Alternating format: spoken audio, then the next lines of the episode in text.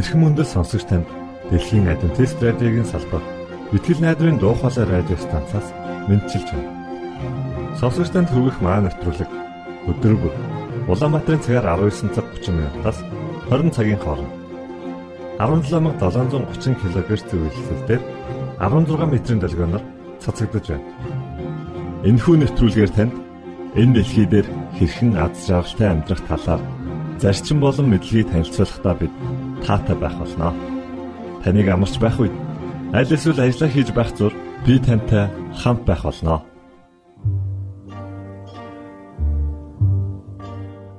Өнөөдрийн дугаараар та бидний эрүүл мэнд юу бодож байгаатай маань холбоо хамааралтай юу гэдгийг олж мэдэх болно. Харин уран зохиолын цагаар Арчи хүүгийн багын мөрөөдөл түүний гэр бүлийн хүмүүс хэн байсан? Мөн түүний амьдралын талаар хамтдаа сонсох болно. За ингээд танд нэвтрүүлгүүдэд хүргэж байна.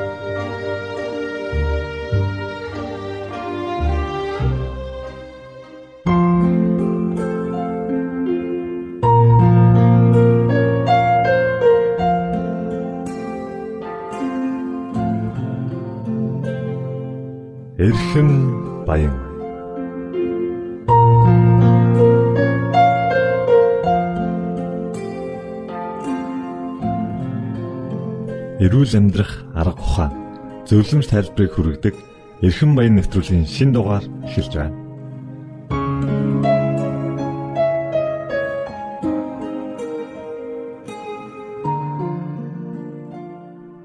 Сайн байцгаана уу сонсогчдоо. Эрхэм баян нэвтрүүлгийн шин дугаараар уулзаж байгаадаа баяртай байна. Бид энэ хорвоо дээр нүцгэн ирсэн нүцгэн буцнаа гэсэн үг байдаг. Тэгэхээр бидэнд өмчилж болох ганц зүйл байдгаа гэх юм бол энэ яахын аргагүй бидний бие махбод юм аа. Бурхнаас заяасан эрдэнэт энэ бие ямар бүтэц тогтолцоотой байдаг. Мөн яавал урт удаан аз жаргалтай энэ дэлхий дээр амьдрах нууцуудыг эрхэм баян нэвтрүүлгээс та олж мэдэх болно. Ингээд танд Монголын адвентист чуулганы эрүүл мэндийн хэлтсийн захирал болох энх баяртай хийсэн ярилцлагыг хүргэж байна. За, эрүүл мэнд гэдэг бол маш эрхэм чухал зүйл гэж хүн мэддэг. Аа, эрүүл байх ёстой. Эрүүл байх бол үнэхээр аж аргалтай, сайхан зүйл гэдгийг бүгд ойлгодог. Гэтэл яагаад өнөөдөр бүхэн эрүүл байдаггүй юм бэ? Ямар нэгэн асуудал заавал бидэнд гарч ирдэг. Тэгэхээр хүн өөрийгөө хамгаалах, бас өөрийгөө халамжлах, асрах тал дээр дандаа дутагдaltaй явдаг болж тарах гэдэг аваад. Жишээлбэл бид нэг шинэ машин авъя гэж бодъё л да. Одоо чи нэг шинэ машинтай боллоо. Ямар их арчиж тоодох вэ? Дотор нь хийх ёстой шингэн өөрөөр хэлбэл бензин, хөдөлгүүрийн тос, за тэгээ бусад шаардлагатай торомсны шингэн бүх зүйлийг нь цаг хугацаанд нь ямар ч байсан солино.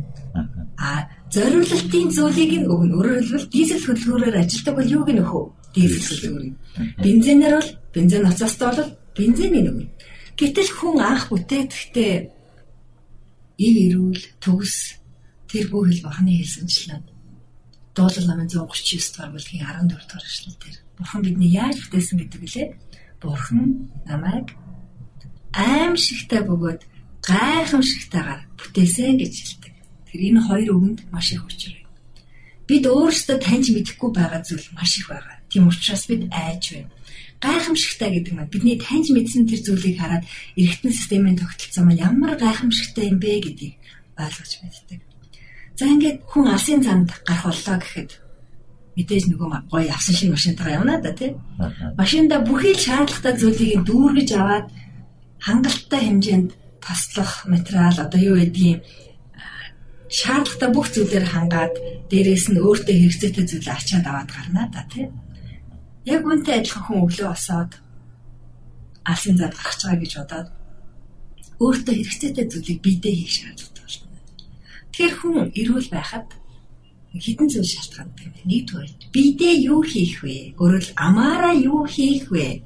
Нөгөөх нь бие махбодороо ямар хөдөлгөөн, ямар дасгалч гэдэг юм уу те? Бие махбодороо юу хийх вэ? Гуравдугаар уурах тархинда, оюун санаанда ямар мэдээллийг өгч, ямар одоо юу гэдэг зөвлөгөөнүүдийг авах ёстой вэ гэдэг өөрөөр хэлэх юм бол амаараа юу хийх вэ? Биеэрээ юу хийх вэ? Өөрөөр тархиндаа юу хийх вэ гэдэг гурван сонголт зайшгүй тулгардаг байна.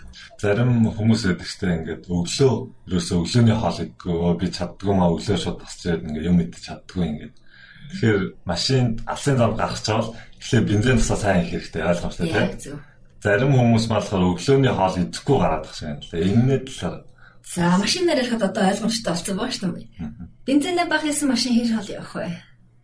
Бензиний хэмжээг л. Яг үнэ. Тэгэхээр өглөө хүн босоод яг тодорхой хугацаанд жишээлбэл 6-аас 8, за 6-аас 8 гэж 8 цаг унтсан гэдэг маань хотод өсвөлэн байсан. Тэр хоосон болчихж байгаа банк хоосон. За тодорхой хугацаагаар хоосон байсан тэр зүйлд шаардлагатай зүйлийг өгөх хэрэгтэй. Хамгийн түрүүнд бид нар мэдээж өглөөс ирээд ус уудаг ийм хөвшилт сурч хэрэгтэй. Өглөөс ирлээ ус ууж хоол боловсруулах замаа бэлтгэн. Хоол боловсруулах замаа бэлэн болсон тохиолдолд тодорхой одоо шингэн уснаас өөрөө ус уснаас 30 минутын дараа өглөөнийхөө цайгаа идэхээр тохируулж шингэн уух нь шүү дээ. Ингээд өглөөний цайн дээр айлгах хөнгөн хэрнээ өдрийн турш сатглан метр мэдрэмжийг үлдээх хүнс сонгох нь зөв гэж үздэг. Үүнд авьяас шаргуда, гурвалжин будааны каш гэх мэтчлэн өөр хүүхдийн каш ус үйж болно. Тэгээд жимс, самар, за тэгээд талах байж болох жишээтэй. За би яад өндөг болон бусад зүйл хэлээгүй, орой халаасан хоол хэлээгүй гэхэд тэд нар тийм шаардлагатай бас зүйлүүд биш байх нэ. Тухайн хүүхнээс шалтгаална. Жишээлх юм бол юу идэх вэ гэдэг тухайн хувь хүнээс шалтгаална. Жишээлх юм бол бага насны хүүхдүүдэд нэг өөр хоол, эдэр насны хөвгүүд нэг өөр хооллоход охтууд нэг өөр. Өндөр наснууд нэг өөр хоол. Тэгэхээр тухайн хүнд одоо машинаар бид нэр эхлээд жишээлсэн учраас өргөжлүүлээ л та. Ямар маркийн машин хөдөлгөөний хүчин чадал нь хэрвээ гэдгийг шалтгаалж хэрэгцээтэй зүйлийг хангах нь шүү дээ тийм ээ. Бас зарим нь өөр тос шаардлагатай байдаг. Өөр бензин түл шаардлагатай байдаг гэдэгчлэн хүн хүн өөр өөр гэсэн хоол боловсруулах шатаах процесснаас харилцан адилгүй байдаг учраас зарим хүнд өглөөд идж байгаа хоол хүнд байхаар хоолой шингээхэд бас хүндрэлтэй. А зарим хүн хоол боловсруулах буюу метаболизм сайтай хүмүүс байх юм бол эзэн хоол хурдан шатчихдаг учраас яах нь бас амархан өсөх жишээтэй. Тэгэхээр өглөөд идж байгаа хоолыг хүн нүдэрээ хараад сэтгэлээрээ чадахгүй байх тохиол байдаг учраас бас сэтгэл чадах хэмжээгээр идэж байгаа зүйл бас дэлгэж тавьж идэх юм бол бас их юм идсэн сэтгэл төрхнө шүү дээ. Өөрөөр хэлбэл тархиа баарч гсэн хоорхон байна. Тэгэхээр өглөөдөө хангалттай чанартай сайн хоол идэх гэдэг маань тухайн хүний өдрөө хэр эрч хүчтэй эхлүүлэх вэ гэдгийг тодорхойлдог гэж л ойлгох боломжтой. За та өмнө хэлжсэн гурван зүйл ярина гэх тээ. Эхнийх нь болохоор амар орж байгаа хоол хүнс. Дараагийнх нь болохоор тэр бие махбодоо яаж хэрхэн ашиглаж байна те хөдөлгөөн гуравт нь болохоор тарих оюун ухаан гэсэн баг те хүлээж авч байгаа юу гэд. Би тэгэхээр энэ гурав дахь зүйлийг бас сонирхоод байна л да. Одоо бидний оюун бодол тарихтай юу сонсч байгаа маань бас яаж бидний эрүүл мэндэд нөлөөлж байна вэ? За хүний тарих гэдэг сонирхолтой эрхтэн байдаг. Өөрөөр хэлбэл тарих гэдэг эрхтэн маань бидний биед байдаг бусад эрхтнүүдээс хамгийн их амиа бодсон эрхтэн гэж ойлгоё. Өөрөөр хэлбэл би ингэмээр байна, би үнийг хүсмээр байна, би ийм гоё баймаар байна, би сэтгэл дүүрэн баймаар байна, би сайхан баймаар байна гэж боддог хэрэгтэй. Зүрх гэхэд бусдын төлөө өөрийгөө л хайрлан амрах цаггүй шахмаачдаг. За илэг гэхэд ч зай засваргүй хор шүтдэг. Ууш байнгын хөдөлгөөний эргэлтэнд явчихдаг, хийн солилцоо явуулдаг. Бөөр, байнг гэх мэт чинь бусад бүх эргэтнүүд бусдын төлөө үйлчлэл хөвчлэн байдаг бол тайрх бол ерөөсөө надад шимт хижээлтэйг нүг би л орж ирж байгаа бүхэл одоо шимт хижээлт хоол хүнсээс хамгийн дээд зэргийн шимт хижээлт бодисыг тарих өөртөө шүүж авах гад хүлээж идэг.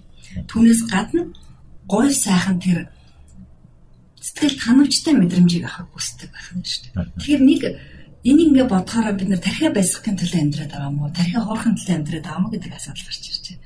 За бас хүмүүс ингэж ярьдаг сайхан зүйл бодох тутамтай сэтгэлээрээ сайхан байх, дүүрэн байх тусам хүн сайхан хоол идэх тусам сайхан зүйл хийх тусам сэтгэл нь цаддаг шээ тийм ээ. Тэгээ бас ингэж ярьдаг. Эерэг сэтгэлгээний тухай хүмүүс үл идэх ярьж байна. За сайхан зүйл бодохоор ураг тарих нь баярлдаг юм байна тийм үү? Сайн зүйл идэхээр ураг тарих нь шимтэй зүйл нь очдөг юм байна. Тэгэхээр идж байгаа хоол ундаа ерөөж идэн гэж ярьдаг одоо хэрэгсэцэгч та бид нар бол хоол идэхээ өмнө залбирдаг. Энэ маань хоолндоо сайхан өрөөл уншаад энэ хоолыг идж байгаадаа талархалтай байна гэдэг энэ талархлын өв тархийг бас сайхан зүйл идэх гэж байна гэсэн тийм бодолд хүрчдэг байна. Тархиныг өгөр хэлэх юм бол хичнээн амиа хичээсэнд гэрхтэн ч гэсэн амархан хурддаг. Жохо инээмсэглэхэд л тархи шууд өөрөөсөө аж аргалын даавруулах эндорфиныг ялгаруулж эхэлдэг гэж байгаа байхгүй юу. Тэгэхээр оюун санаандаа зөв мэдээлэл өгье. Дээрэс нь эерэг сайхан бодлоор дүүргий нөгөөтэйгүр уурах тархиндаа шимтэй сайхан хоол хүнсийг өсгөе. Би бас нэг хүнтэй ярилцчихсан. Тэгсэн чинь Таиланд хүмүүс ахгүй. Тэгээд юу гэж хэлж байсан гэхээр та юу залуу харагдах юм аа гэд хэлсэн чинь Аа тийм би залуу харагддаг надаа хоёр шалтгаан байгаа. Тэгээ нэг нь болохоор би мах идэгдгүү дандаа хүнсний ногоо тэ самар жимс иддэг. Тэгээ энэ надад тусалдаг. Нөгөөх нь би ерөөсөө стресстийг боддгоо. Ямар нэгэн тийм зүйл гарчих юм бол тэ аль болох ингээл зовоол дотроо шаналал байхгүй тэрнээсээ аль болох гараал за ийм асуудал болсон. За энэ нь бол үнэн гэл тэрийг ингээл өнгөрөөгөл ерөөсөө стресс нь ордгүй энэ маань бас нэг залуу байхын тэ ингээд залуу харагдахын нэг шалтгаан юм а гэж хэлж байсан. Тэгэхээр энэ яг таны яриад байгаа тэ тархинаа тэр зөв мэдээлэл өгөх гэдэг нь бас энэтэй холбоотой юм шиг байна. Одоо энэ цаг үед бол мэдээлэл бол хэтэрхий их байна. Заримдаа шүүж чадахгүй байна. Жишээлбэл зургатаар гарч байгаа мэдээлэл, дүрс мэдээллийг хүний өөрөөр тарих шууд хүлээж авдаг. Шүүн тунгааж амждаггүй. А уншихаар тарих шүүн тунгааж амждаг. Тэгээ уншсан зүйлээ биелэхийн тулд хийхээр тархинд тэр нь яг тогтож өгдөг. Жишээлх юм бол мэдрэлийн хэс гэж байдаг л да тэр мэдрэлийн эс маань өөрийн гэсэн богино холбоосуудыг үүсгэж, синапсуудыг үүсгэж тодорхой нэгэн зүйлийг байнга үйлдэснээрээ хөвшил буюу дадлыг тогтоодог. Өглөө босоод ус уугаад тодорхой хугацааны дараа өглөөнийхөө цайгаа уугаад сургачих юм бол тарих яах вэ? Энэ хэмнэлт тэр чигтээ дасаад орчдөг байна. Ингээд энэ үүссэн синапсууд нь буюу өөрөөр хэлэх юм бол тархины тэр мэдрэлийн эсүүдийн холбоонууд нь энэ үйлдэлийг хийдэг болгоод сургачдаг байна. За хоолны дундуур юм идээд сурчих юм бол тарих хоол идсэнс 2 цагийн дараа л юм идмээр санагддаг мэдрэмжийг шамд хариу уруулаар үзүүлээд эхэлнэ. Тэгэнгүүт за тэгвэл би энэ үед снак буюу янз бүрийн мэддэг байсан бол болоод ус уудаг болохыг гээд ус уугаа тодорхой хугацаанд яхам бол өнөө тархины эсэд яах нь ус уудаг мэдээллийг агуулад 2 цагийн дараа хүн өсөлтөд энэ бол хуурамч өсөлт байдаг. Тэнгүүд нь хүн мэдчихдэг. Гэтэл энэ бол өвөндөө өсөлт биш хуурамч өсөлт байдаг. Тэгэхээр энийг нөгөө тархинд зөв мэдээлэл өгөх юм бол энэ бол жинхэнэ өсөлт биш. Энэ бол хуурамч. Тийм учраас одоо би зүгээр л ус уучи. Яагаад гэвэл ус уснараа миний 2 цаг өмнө идсэн хоол маань цаашаа шингэх хэрэгтэй юм аа. Энд ус хэрэгцээтэй байгаа учраас цанх өсөх төв тархинд ойрхон байдаг учраас андуурагдсан ойлголтыг миний бие махбод үзүүлээд байгаа юм. Одоо би нэг шинжлэх ухааны үндслэлтэйгээр ойлгоцсон учраас би юм идэхгүй харин ус уяа гэх юм бол тарих яах вэ? Ойлгоол. Хүний тарих маш энгийн шүү дээ. Орой унтахтаа хүртэл за маргааш өглөө би 6 цагт босно гэ өөрийгөө оюун санаанууд бэлтгээд бүх юма бэлдээд за 6 цагт босоод би өглөө дасгал хийхээр гарнаа гэд бүх юма бэлдээд унтахад өглөө 6 даван сэрч чаддаг. Тэгээ гол нь босох уу үгүй юу гэдэг нь сонголт болчиход байна. Яг өглөө сэрлээ гэр агшинд би одоо босох уу өргөшөөд унтах уу гэдэг шийдвэрийг хийн гаргах уу? Нөгөө хөөхөн гаргана шүү дээ тийм ээ одоо зөндөөл янз бүрийн сонин сэтгүүл дээр янз бүрийн бичдэг. Тэгэхээр тэр болгонд итгээд байдгүй. Тэгэхээр миний асуух гэдэг асуулт болохоор яг энэ энэхүү мэдлэг, мэдээллийг үнэн гэдгийг бид нар бас яаж мэдэх вэ? Та үүн дээр бас нэг хариулт өгнө. Миний хувьд бол би 7 дахь өдрийн адвентистийн гишүүн учраас 7 дахь өдрийн адвентистийн эрүүл мэндийн мэдээнд итгэдэг. Манай 7 дахь өдрийн адвентистийн эрүүл мэндийн мэдээ маань Библиэлд суурилсан Элен Вайтийн бичээсүүд дээр үндэслэсэн шинжлэх ухааны болон судалгаа шинжилгээний ажлуудын туршилтын үр дүнгуудыг тулгуурлан гэж ойлгочтой авсан өөрөөр тулгын гурван чулуу шиг одоо бэрч нэгдүгээр Библиэд гэмээр хоёрдугаар Элен Вайтийн бичсэн бичээсүүд байна. Яг бол Элен Вайтыг манай сүмийн зүүн чимэгтээ түүний бидэнд үлдээсэн бичээсүүд маань ариун сүнсээр хөлөглөгдөж ирсэн учраас бид нэр үндэслэлтэй гэж үтгэж хүлээн авч зөвшөөрдөг. Ширлэх хоёуг хэлж Үнхээрийн хүний ходоод бол хоол боловсруулах зам маань хүнс ногоо боловсруулахад зориулагдсан байна. Өөрөөр хэлэх юм бол махан тэжээлтэй амтан өвсөн тэжээлтэй амьтны хоол боловсруулсан замыг судлахад хүнийх өвсөн тэжээлтнийх юм шиг байна. За нөгөөтэйгүр гэхэд мах буюу амьтны гаралтай бүтээгдэхүүн баг хэрглэж байгаа хүмүүс урт бөгөөд эрүүл насалт юм байна гэдэг судалгаар гаргаад ирсэн. Тийм учраас бид энэ гурван зүйл дээр адвентист эрүүл мэндийн мэдээ үндэслэлтэй юм байна гэж үзэж байна. Өөрөөр хэлэх юм бол одоо тулхан гурван чулууга тавья. Библи буюу судар, Бурхны эсвэг, Элен Вайтийн бичээсүүд хажууд нь орчин үеийн өдрөөс өдөрт жилээс жилд бараг цаг минут тутамд шинжлэгдэж байгаа анагаахын шинжлэх ухааны болон эрүүл мэндийн шинжлэх ухааны болон бусад шинжлэх ухааны туршил, судалгаа, онлын үндэслэлүүд. За тэгээд дээр нь тогоотой ус тавья л да. Тэндээс буслаад гарч байгаа ууршиж байгаа мэдээ маань юу? Манай адвентист эрүүл мэндийн мэдээ. Тэр хүн бүхэн төвөн хүрэх ёстой юм а гэсэн ийм зөвлөлийг бид үргэлж бодож байгаа тийм. За баярлалаа танд. Та бүхэн сая сонссон бахаа Эрхэн баян радио нэвтрүүлгийн мэдлэг мэдээлэл онлоод нь адвентист эрүүл мэндээс гаралтай юм байна. Та бүхэн бас зөв зүйл ярьж байгаа нь итгэж болох уу үгүй юу гэж бас эргэлзэх хэрэггүй. Энэ бол шинжлэх ухаанаар батлагдсан ийм эрүүл мэндийн систем бүхий мэдлэг мэдээллүүд байгаа юм аа. Бид дараагийн нэвтрүүлгээрээ танд эрүүл амьдралын 8 зарчим болох шинэ гараа хөтөлбөрийг танилцуулах болно. Дараагийн нэвтрүүлэг хүртэл түр баяртай.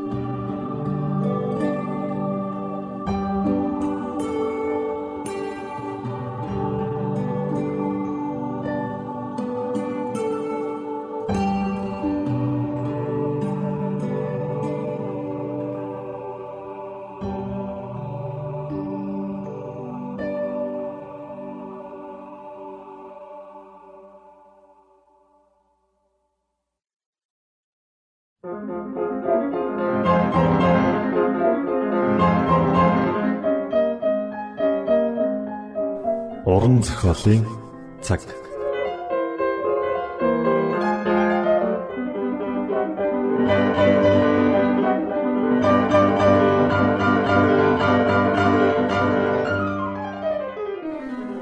Уран зохиолын цаг нэвтрүүлгийн шин дугаараар уулзж байгаадаа баяртай.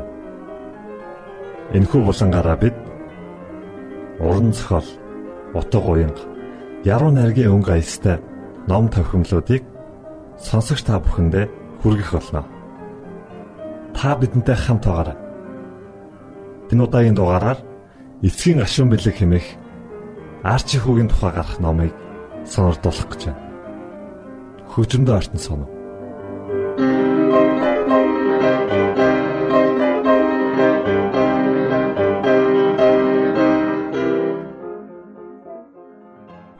Арчигийн дургуцал Арчи Шиповыг баруун гараа өмднийхөө халаас нь шургуулснаа. Чигийн улаан хорхоо гаргаж ирв. Шиврээ борооны дараа чигийн улаанууд нь үе олноороо илг гарч энэ тэндгүй зам дээр өвсөн дунд шалбаагийн дунд гурилсан байв. Арчи хэд хоногийн дараа 8 жилийн боловсрол эзэмшин сургуулаа төгсөх учиртай. Тэр сургуулаасаа гэр хүртэлх замдаа чигийн улааныг нэг нэгээр нь цуглуулдаг. Мөрөө суллан зогсоход түүнд өөрийн байгаа хэмжээс илүү өндөр болсон юм шиг санагдаж байв. Яагад гэвэл удахгүй сургуулаа төгсөх бодол борооны дараах цэнгэг агаад чийхтэй газрын өнөр Оросын шугуу дээгүр татсан солонго халаасанд нь байгаа шавартай чигийн улаанууд байсан учраас түүний сэтгэлийг ихэд догтлуулва. 1909 оны 5 дугаар сарын тэр үед Николай хаан өөрийн өргөндөөч Арчи шиг сэтгэл хангалуун байгаагүй ах. Арчи халаасаа чигийн улаанаар дүүргээд гэрлүүгээгүй. Тэрээр гэртээ гүйж орж ирэнгүүт ном дэвтрээ хаалганы хажуудах модон сандалт хийшидэд загасныхаа ургыг шүүрч аваад эхийгээ дуудав. Пишингийн хажууд хөх будаагаар хийсэн талхаа эргүүлж байсан ээжийнх нь нүр халуун зуухнаас болж час улаан харагдав. Би явж загас барьлаа ээжээ. Тэр чин сайхан санаа байна гэж Домка Шиповыг хэлээд том хүүгээ өхөөрцөн харцаар харав. Тэгээд урт хар гизгээ нуруу руугаа өнжүүлээд барьсан загснуудыг чинь орой шарж өгье. Шинхэн барьсан талах гэрийн бислэг шөлтөө идвэл их л амттай байх бах та. Харанхуй болохоос өмнө нэрээрээ чи гэж аав нь их л дээрэнгүй хэлв. Тэр агшинд Арчи гинт тэнгэлтэн зог тусав. Арчи загсны ургаа барьсаар хаалганы хажууд удаан тэнгэлсэн зогсов. Түүний нүд гэлэлцэн би бас юу хийч гисэн юм бэ? Та надад итгэхгүй байна уу? Би насанд хүрэх төгсөн гэдгийг ойлгохгүй байна уу? Яагаад та намайг дандаа хавчиж байдаг юм? Та яагаад майр Роман хоёртой ийм ширүүн ярьдгүй юм бэ? Яагаад Берчаниа хоёрт хамаг юм авч өгөөд байдаг юм бэ гэж хэлмээр санагдав. Ажлынхаа ширээнд гутал ойд суусан Самуэль Шиповыг насанд хүртэгсэн хүүгийнхээ эсэргүүцлийг ажигласангүй. Түүнд бүх зүйл сайн сайхан мэт байв. Арчи ихийнхээ нүдийг ажиглахад түүний бодол санааг мэдсэн бололтой харагдав. Ээж нь инээмсэглээд толгоогоос ихсэрч харцаараа арчиг дуугүй байхыг санаалав. Яагад гэвэл эцгийнхээ өмнөөс үг хэлснээс болж их олон удаа зодуулсныг минь боджээ. Өнгөрсөн 3 жил хэд хэдэн удаа би эцтэй зодуулсан юм. Арчи удвал эцэгтэйгээ зөрчилдөхөө мэдээ тэр дорхноох аврын хурц гэрэл рүү гарч одов. Яагаад ч юм түүний баяр баясал ормооргүй арилсан байв. Тэнгэрт татсан солонг арилж зөвхөн чигийн улаанууд л халаасанд нь үлдсэн байв. Арчи өшгөлсөн чулуун шавартай зурлан хэрхэн шавран бөмбөлөг болохыг харж зогсов. Түүний халаасанд шавартай хотголсон чигийн улаануудын зарим нь хөдөлсөөр л байлаа. Тэгээд Арчи нэгийг авч голын эрэглүү гүйн гарав. Тэрээр чигийн улааныг дэгэндээ торгоогоод уурга ус руу шидэж эхэллээ. Тэгээд голын эрэг дээрх дарих модон дээр гарч суугаад хэсэг зуур харан азнав. Намайг гэр бүлдээ хоол залгуулах гэж ингэж яваг аав ойлгоод баярлна гэж бодож байна уу? гэж Арчи загсны ургандаа хэлв. Урга нь хавихлж чадах эсэх нь түүнд хамаагүй байлаа. Өнгөрсөн 3 жилийн хугацаанд түүний амьдрал ихээхэн дорцсон юм шиг санагдав. Эцэг нь түүнийг ойлгохоо болсон учраас би өөрийн хийх ёстой бүгдийг хийнэ гэд Арчи уугаараа бүдүүн тайрцыг цохиж авлаа. Би хашаа цэцэрлэгээ цэвэр цэмцгэр байлгадаг. Би гэрийнхэндээ загас авчирч өгдөг. Би хон харуулж мөнгө нэмэрлэж байсан. Би сургуульдаа их чармайдаг. Юу болохгүй байгааг би ойлгохгүй байна. Чи юу ойлгохгүй байгаа юм бэ? Арчи цочин ухсгийхтэй ардан зогсож байгаа 9 настай дүүгээ харав. Роман чи гэртээ очиж өөрийн хийх ажлыг хий гэж загналаа. Үгүй. Чамайг наашир гэж хинч гуугаагүй байх шүү. Чи юу идээд байгаа юм бэ? Чи яг хөгшин баага шиг зангаргаад байх юм. Чи үүнийг ойлгохгүй. Чи дэндүү балчир байна. Чи аавд ууралсан биз дээ. Тэгээд яагаад өөр юу их сони юм шиг байна. Чи мэдээтэй байхгүй бол чи дахиад алганы амт хүртэн шүү. Тэр бол миний хэрэг. Аав ахаад л арх уугаад ээж чамайг дахиад аавын уурыг хүргэчихвээ гэж байна. Аав арх баг удагч болоосаа. Яагаад тэр их удаг юм бэ? Модны тарсан дээр арчи дүүдээ зай тавьж өгөөд цуугаач гэв. Тэд урдуур нь урсаж буй хөрөнцөн голыг хэсэг зур ширтэн суув. Удалгүй арчи. Гайлын хүмүүс аавын хийсэн гутлыг авах гэж ирэхдээ аавтай хамт архиудаг юм гэд яриагаа таслав. Тэрээр дүүгээсээ хариу өгсөн дуугасав. Найзуудаа архиар дайлах нь өөрийг нь их үн хүргэдэг байлгүй. Магадгүй архиар дайлахаар найз нар нь дахин ирж гутлыг нь авдаг байх. Харин хамгийн их зүй зүйл нь бүхэл бүтэн тосгоныхонд архи авч өгөх мөнгө бидэнд байхгүй. Чамд болон майрт хувц авч өгөх хэрэгтэй. Ээж хэдэн жил өөртөө даашин заваагүй. Бид дээврээ шинжлэх хэрэгтэй байшингаа цагаанаар бодох хэрэгтэй. Бид юу хийж чадахгүй. Яагаад гэвэл аав олсон бараг бүх мөнгөө архин зориулдаг. Аав архи уугаагүй үедээ их сүрхий байдаг гэж Роман сануулав. Тийм ээ би мэднэ. Аавын архи уухад би дургүй байдаг болохоор аав надад их дургүй байдаг. Би том болоод лавл аав шиг хүн болохгүй. Би хизээч архиуж мөрөөдөө тоглоом тоглохгүй. Би хүүхдүүдэд жаргалтай байлгана. Би ч гэсэн гэж Роман зөвшөөрөв. За явъя гэд Арчи уурга уснаас татаж аваад өнөөдөр загас баригдах шинжгүй байна. Тэгээд ч оройн хоолны цаг болчихлоо. Гэр хүртэл хоёулаа уралдъя. Би чамайг гүйцэндэ.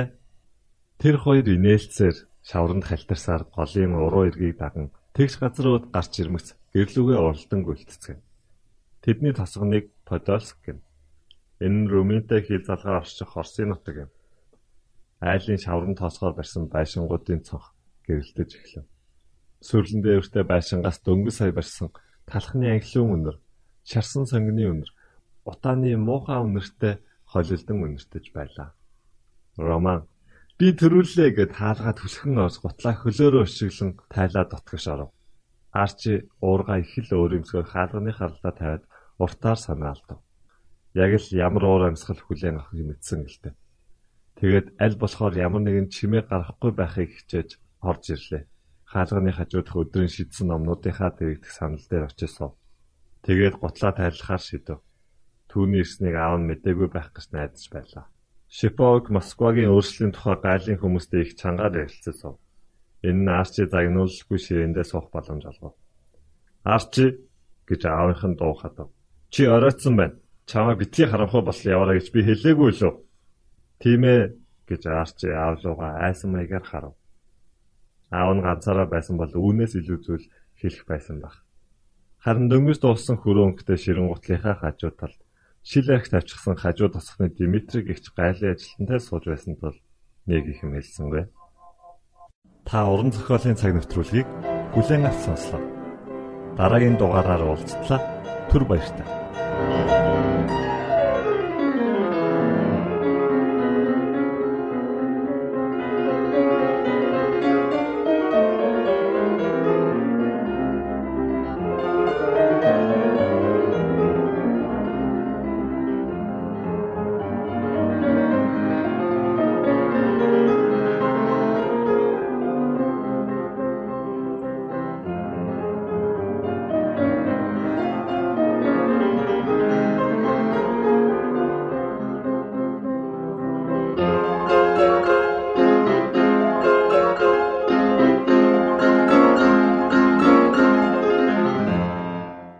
Итгэл найдварын дуу хоолой радио станцаас бэлтгэн хөрөгдөг нэвтрүүлгээ танд хүргэлээ. Хэрв та энэ өдрийн нэвтрүүлгийг сонсож амжаагүй аль эсвэл дахин сонсохыг хүсвэл бидэнтэй дараах хаягаар холбогдорой. Facebook хаяг: Satiin үсгээр Монгол заавад AWR Имэйл хаяг: mongol@awr@gmail Цэг.com.